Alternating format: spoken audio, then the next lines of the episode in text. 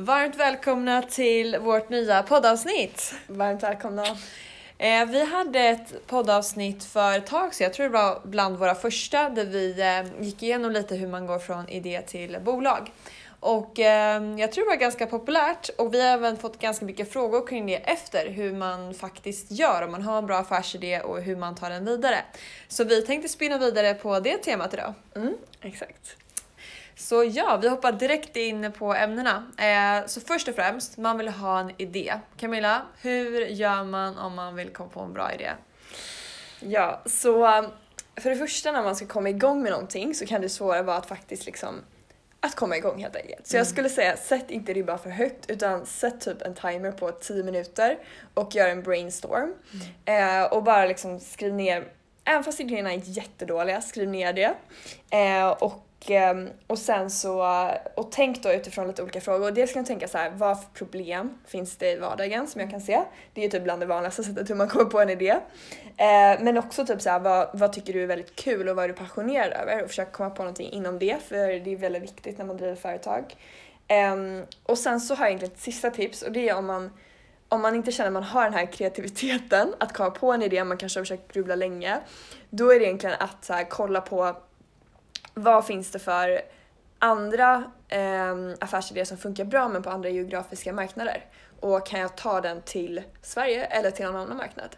Eh, och det tycker jag är ett superbra sätt. Du kollar bara på till exempel Voi, de här elsparkcyklarna är ett sånt koncept som det fanns redan i USA. Eh, och sen bara tog de hit och, och då vet man ju redan på något sätt att det, att det har funkat på en annan marknad.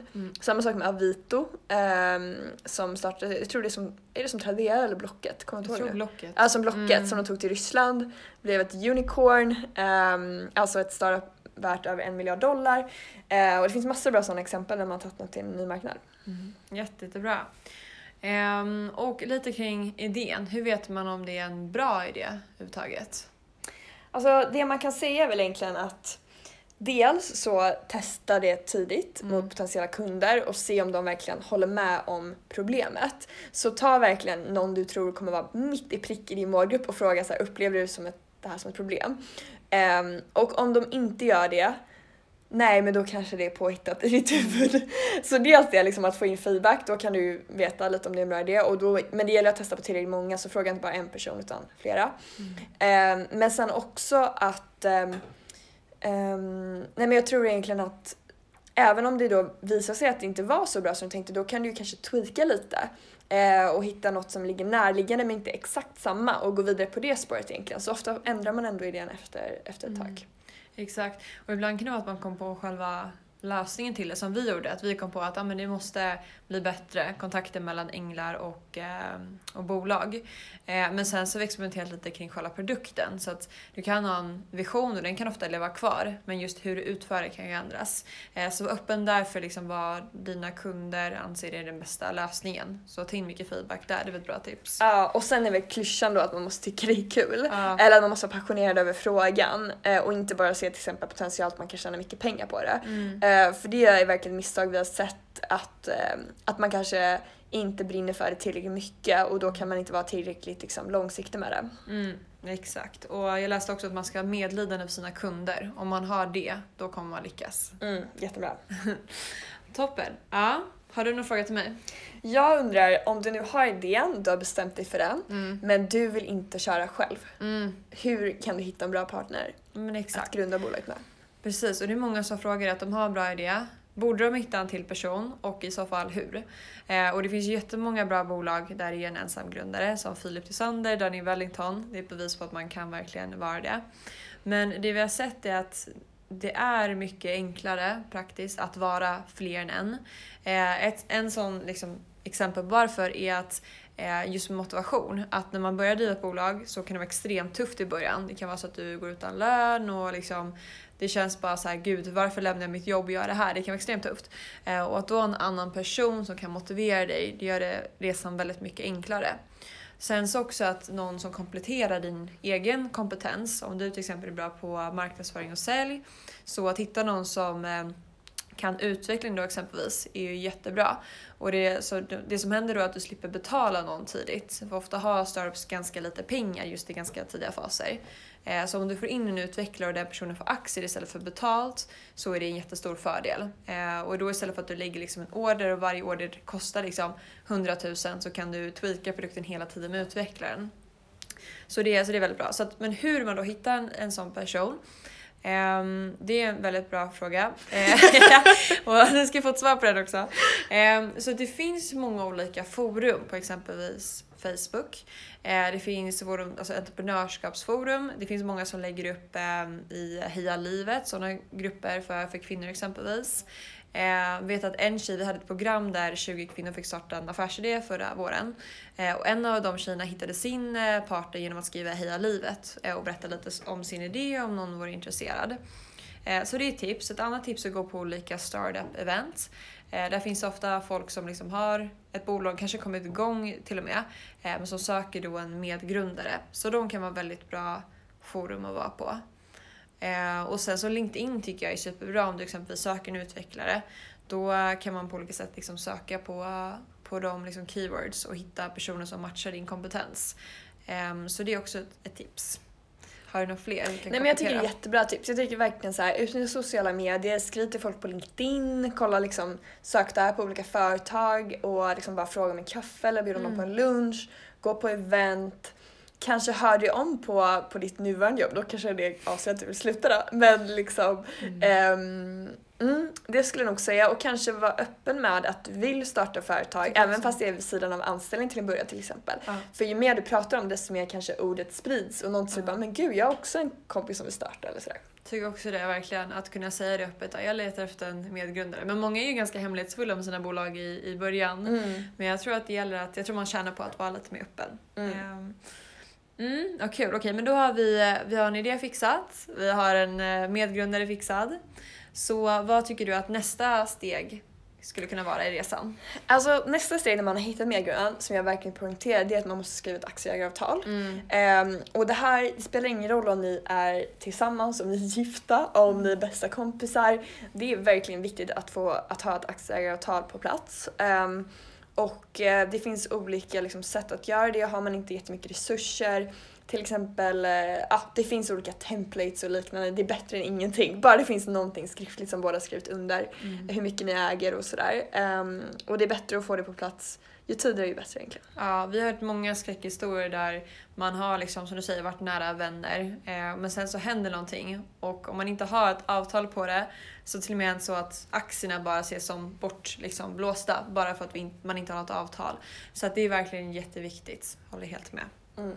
Och som Camilla sa så finns det gratis mallar på Eh, på, på nät att tillgå. Sen så har vi en jättebra delägare hos oss, Cap Legal, som är anpassade just mot startups. Ehm, så att de är jättebra kontakt om ni vill ha lite vägledning och, och hjälp med allt legalt helt enkelt. Så det är tips. Verkligen. Okej, okay, så nu har vi avtalen på plats, nu är vi säkra. Så att, vad är nästa steg? Jag skulle säga att det är att um, bestämma namn då. Mm. Den är, det vill man göra tidigt. Den är rolig och uh, jobbig på samma ja, gång. Ja, exakt. Så då, då skulle jag igen säga liksom, sätt en timer, mm. brainstorma, skriv bra och dåliga namn, mm. det är bara att köra liksom. Mm. Um, och sen så efter det skulle jag säga liksom, googla på namnet uh, för att se om det är någon Speciellt om det är någon i liknande bransch som heter samma så kanske det inte är så bra. Um, då får man tänka om. Uh, och sen så även kolla upp domäner.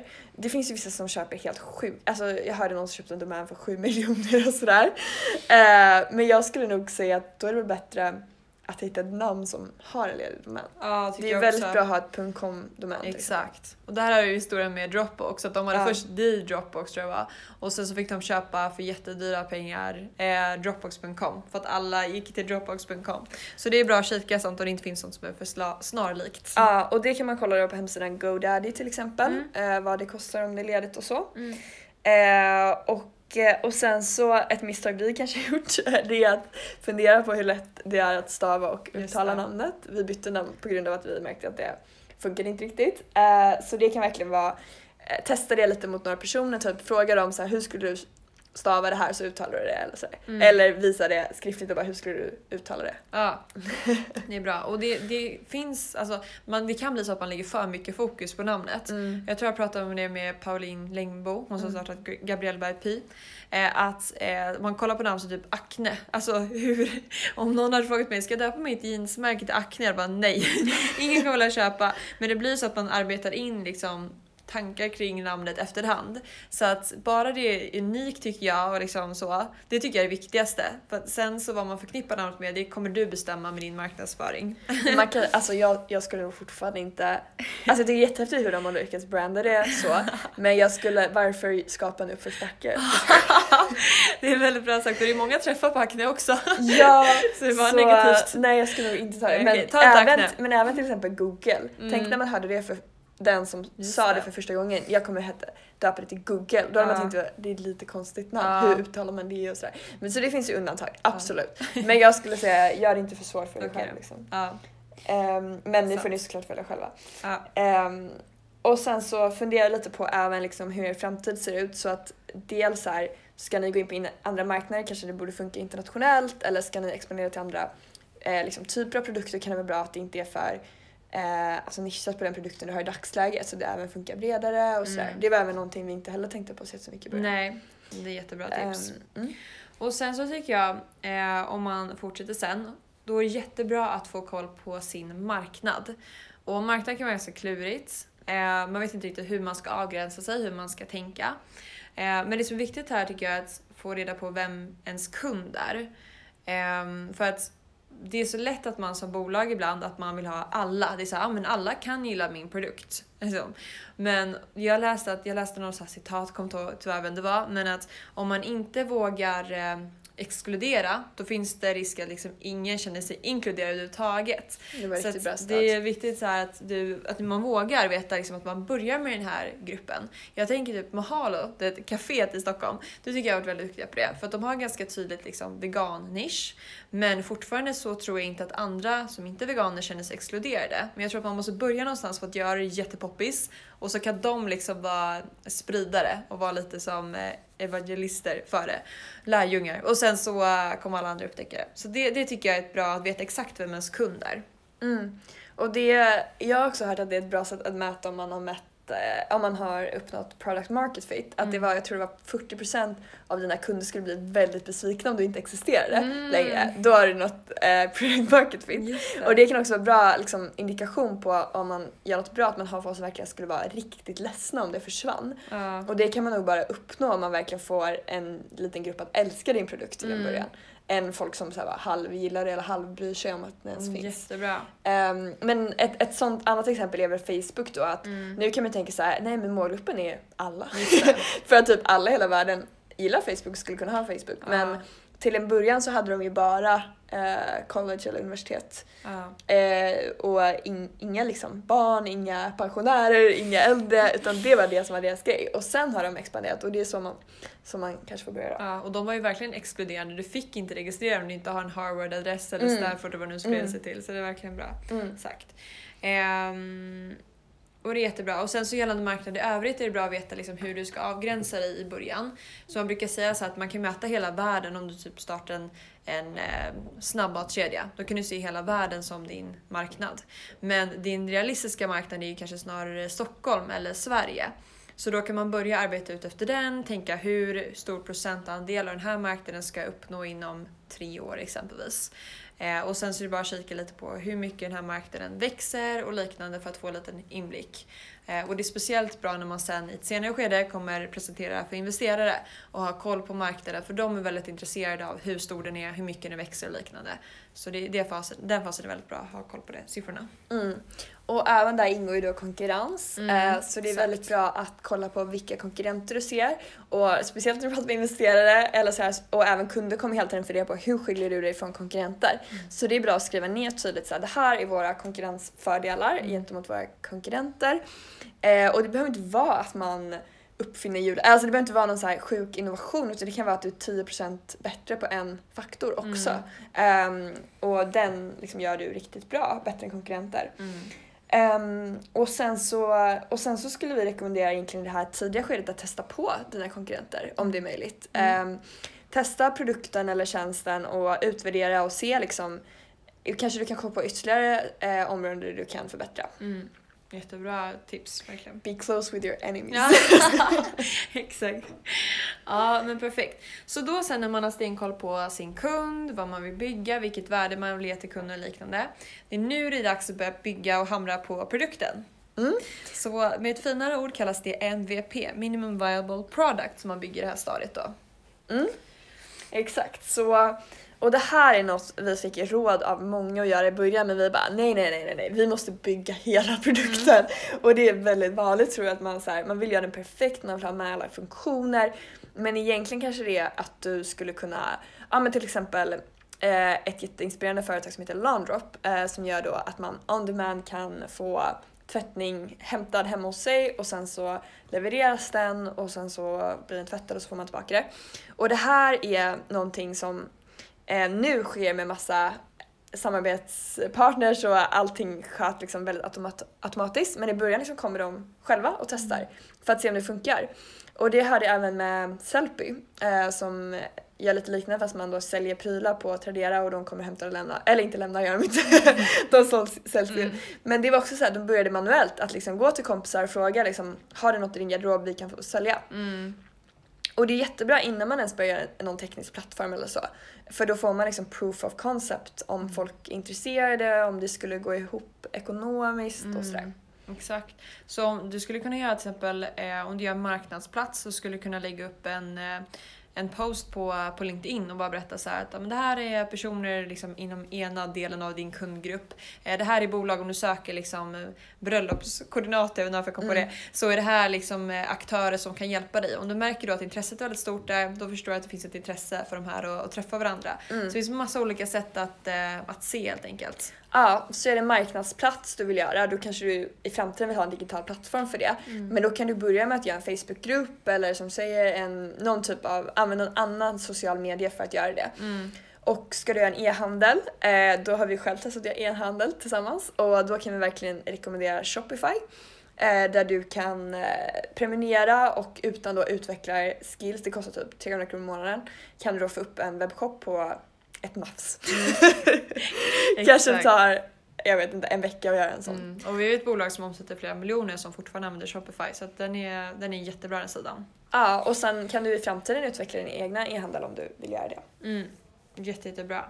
Um, och sen så då när man byggt MVPn, uh, eh, målet här är att få in så mycket feedback som möjligt uh, och kika lite vilken typ av funktioner är det som, som användarna gillar och utefter det helt enkelt ändra din produkt och finslipa den och göra den så, så bra som möjligt mot, uh, mot dina kunder. Så, att, så då sen kan man liksom, för det, det är det som kallas lean startup, att man hela tiden ändrar utifrån efter vad kunderna vill ha. Um, och det är motsatsen då till att liksom bygga en hel produkt, lägga hur mycket pengar som helst och sen så vill ingen ha den. Så, att, um, så det är ett, ett, tips där, att ta in så mycket feedback ni bara kan.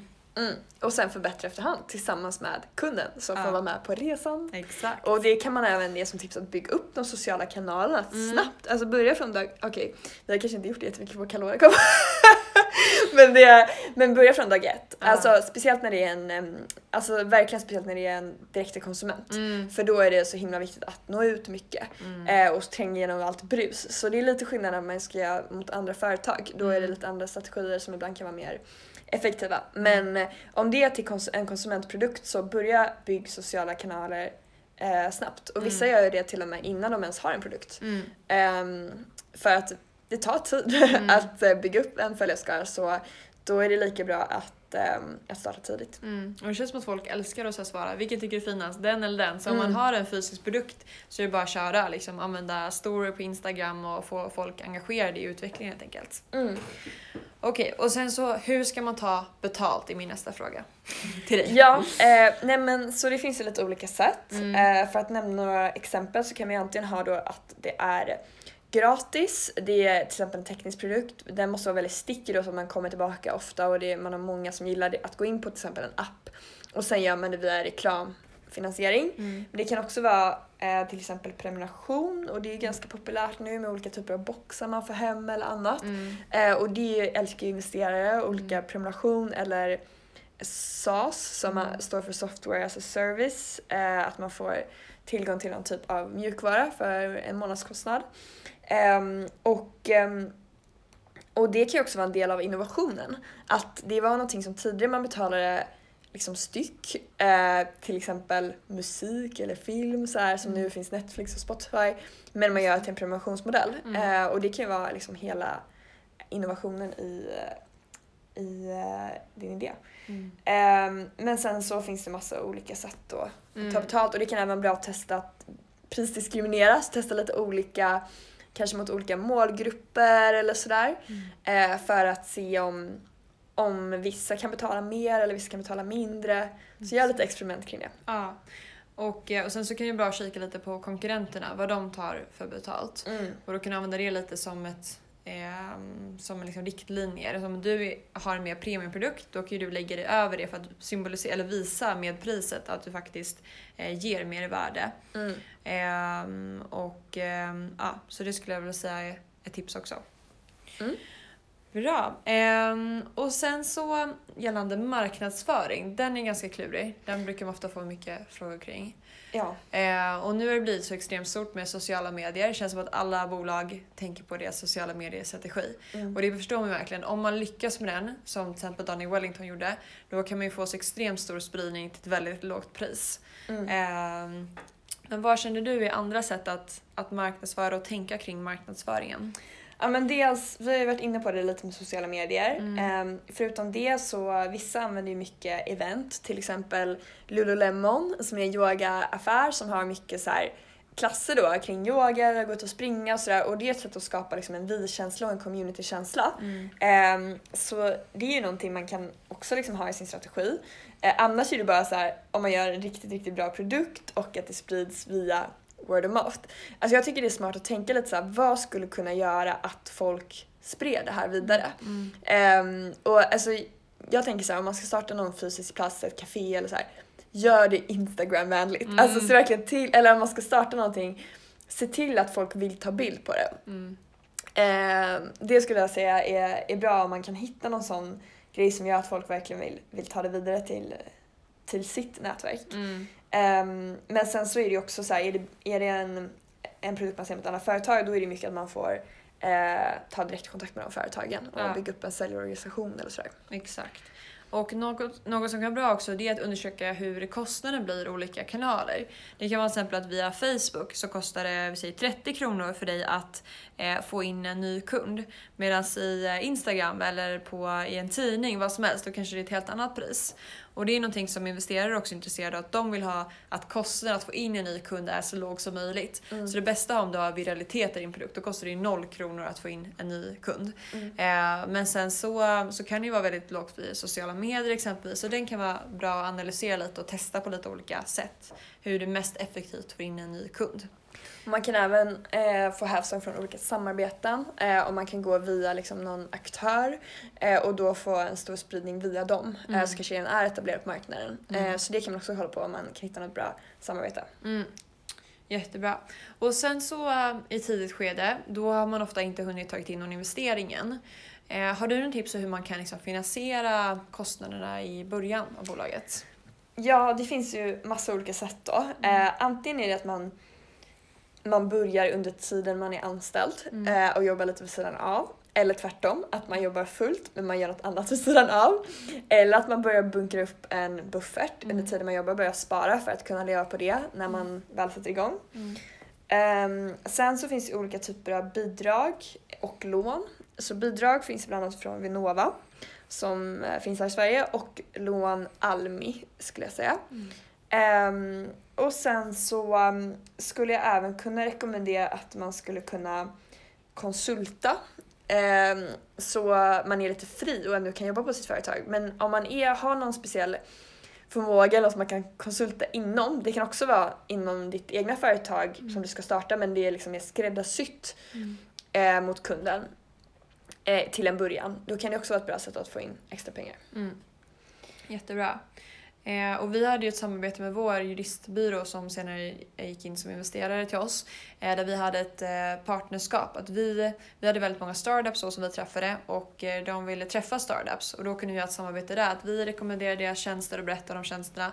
Eh, och i utbyte med det då fick vi en eh, liten eh, eh, ja, bidrag, vad säger man, samarbetspeng mm. eh, som vi kunde ha och det höll oss rullande eh, ett bra tag faktiskt. Och det mm. var väldigt effektivt för båda parterna hoppas jag. Ja exakt. Ehm, och ja. sen så är det ju uppenbart att man kan ta in investering.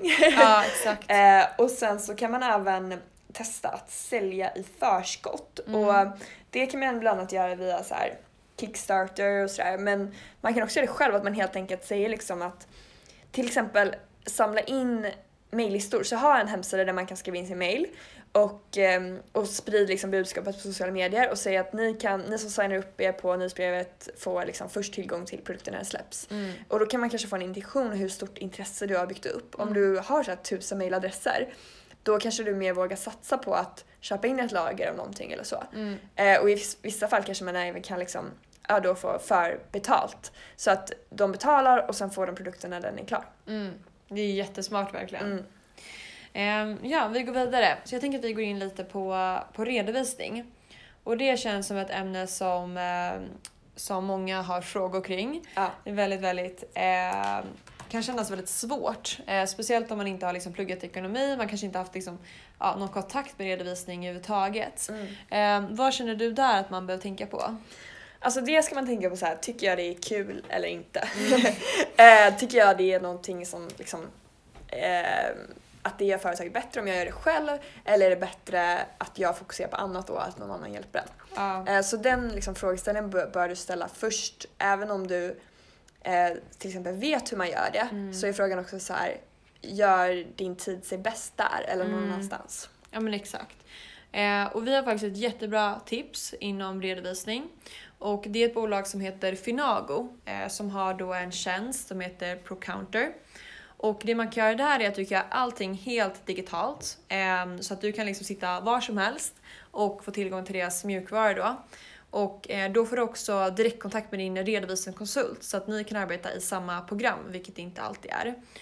Och, eh, och sen så också det innehåller liksom alla typer av tjänster som man behöver. Så de har liksom bankförbindelse, e-fakturatjänster och scanningstjänster. Så de är superbra verkligen om man letar efter ett bra bokföringsprogram.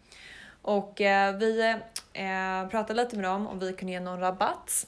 Och de kan erbjuda ett startpaket som är värde 2000, 2450 eh, kronor för, för nya bolag. Eh, så det är jättekul. Så det, vi kommer lägga länken där i vår bio om ni är intresserade av att signa upp er. Eh, vi är jätteglada att samarbeta med dem. Jätte, jättekul. Och de har också ett superspännande event med den eh, person som Camilla har läst självbiografin till. Ja, Per Holknekt. Det är faktiskt den bästa biografin jag har läst. Jag kan inte fatta hur man har hunnit med så mycket i sitt liv. Så han har bland annat hunnit med att både vara ja, grundat Odd Molly som blivit hur stort som helst och även varit uteliggare och tagit sig upp därifrån. En helt eh, ja, mm. gripande resa verkligen. Så han kommer vara då ihop med Finago 22 maj i Stockholm och berätta lite om sin resa och så kommer prata om digital bokföring. Eh, så det är en förmiddagsevent så de kommer bjuda på frukost och eh, lunch. Så om ni är intresserade av det så är det bara att skriva till oss på DM eller kommentarer på ett inlägg så skickar vi länk och hjälper er att signa upp er. Så det tror jag kommer bli jättekul. Mm. Eh, bra, då har vi täckt lite redovisning. Eh, och nu tycker jag vi går in på investering som är det vi jobbar med på dagarna. Vad har ja. du för tips där? Um, nej men alltså det största tipset är väl egentligen att um, tänka på att, att det är en relation man bygger med investerarna mm. och uh, det är mycket uh, liksom kring teamet. Så att ha ett riktigt bra team är verkligen A och O för att få en investering. Mm. Eh, och samla med liksom, olika kompetenser och relevanta erfarenheter för det ni gör. Mm. Och sen vara liksom, eh, trevliga mot investerarna för att man vill kunna jobba ihop under väldigt många år. Ja, och verkligen. Och bygga upp en relation tidigt med dem tycker jag. Så att om man vet att man kommer ta in investering om sex månader eller ett år, att redan nu börja höra av sig och kolla lite och gärna få feedback kanske. Bara fråga vad tycker du om mitt företag och, och sådär. Det tycker de ofta är kul att ge lite input. Och även utvärdera investeraren om den passar dig mm. och visa på liksom att Um, läs gärna på lite om investerarna innan också, visa att du bryr dig också vem vem personen är. Mm. För, för det är ju lika mycket att ni ska bedöma varandra om ni passar ihop. Mm. Ehm, ja, lite som en dejt. Mm. Exakt. Så att, eh, om ni är intresserade av att hjälpa oss så hjälper vi bolag som söker, eh, de har ofta kommit en bit på vägen så man har ofta en produkt eller tjänst eh, som man vill då liksom fortsätta skala. Eh, så att vi brukar hjälpa till från några miljoner kronor uppåt med investeringar och har både då nätverk inom affärsänglar eh, där många är liksom tech-profiler och har startat och sålt sitt bolag och även lite större institutionella investerare. Och då kan vi också hjälpa till med pitchdeck och allting annat och det har vi inte gått in på så mycket idag, det är en konst i sig. Men då kan vi hjälpa till med allt material också som ska skapas. Ehm, så det är bara också att mejla eller DMa om ni var intresserade av det. Eh, och hur det går till när man ska ta in en investering är egentligen då först att man ska ha material klart om sitt bolag. Så det är egentligen att man beskriver allt ifrån då det vi har gått igenom här, marknad, konkurrens, vad ni har för resultat hittills, om teamet. Eh, så man gör som en powerpoint som man sen presenterar för investerare och så kontaktar man investerare då som är relevanta ehm, och sen lär känna varandra och kommer fram till ett beslut och så skriver man avtal. Mm. Kort, väldigt kort, Ja. speedat hela den processen. Tre månader på... Ja. eller, nej. Men ehm, så jag tror att det var allt. Efter det så är det liksom, då är det success. Då är man klar. Då är det bara, och så kan man då starta antingen ett aktiebolag eller enskild firma skulle jag säga. Bra sagt. Ehm, Så man kan ju börja med enskild firma och sen så när det går bra så kan man fortsätta med aktiebolag. Ja, eller om man vill slå på stort försäkringsbolag direkt. Ja, just det. Det får man känna efter. Ja. Toppen! Men det här var lite crash course i hur man startar ett bolag. Ja, hoppas ni tyckte det här var intressant och ehm, ha det bra! Ha det bra!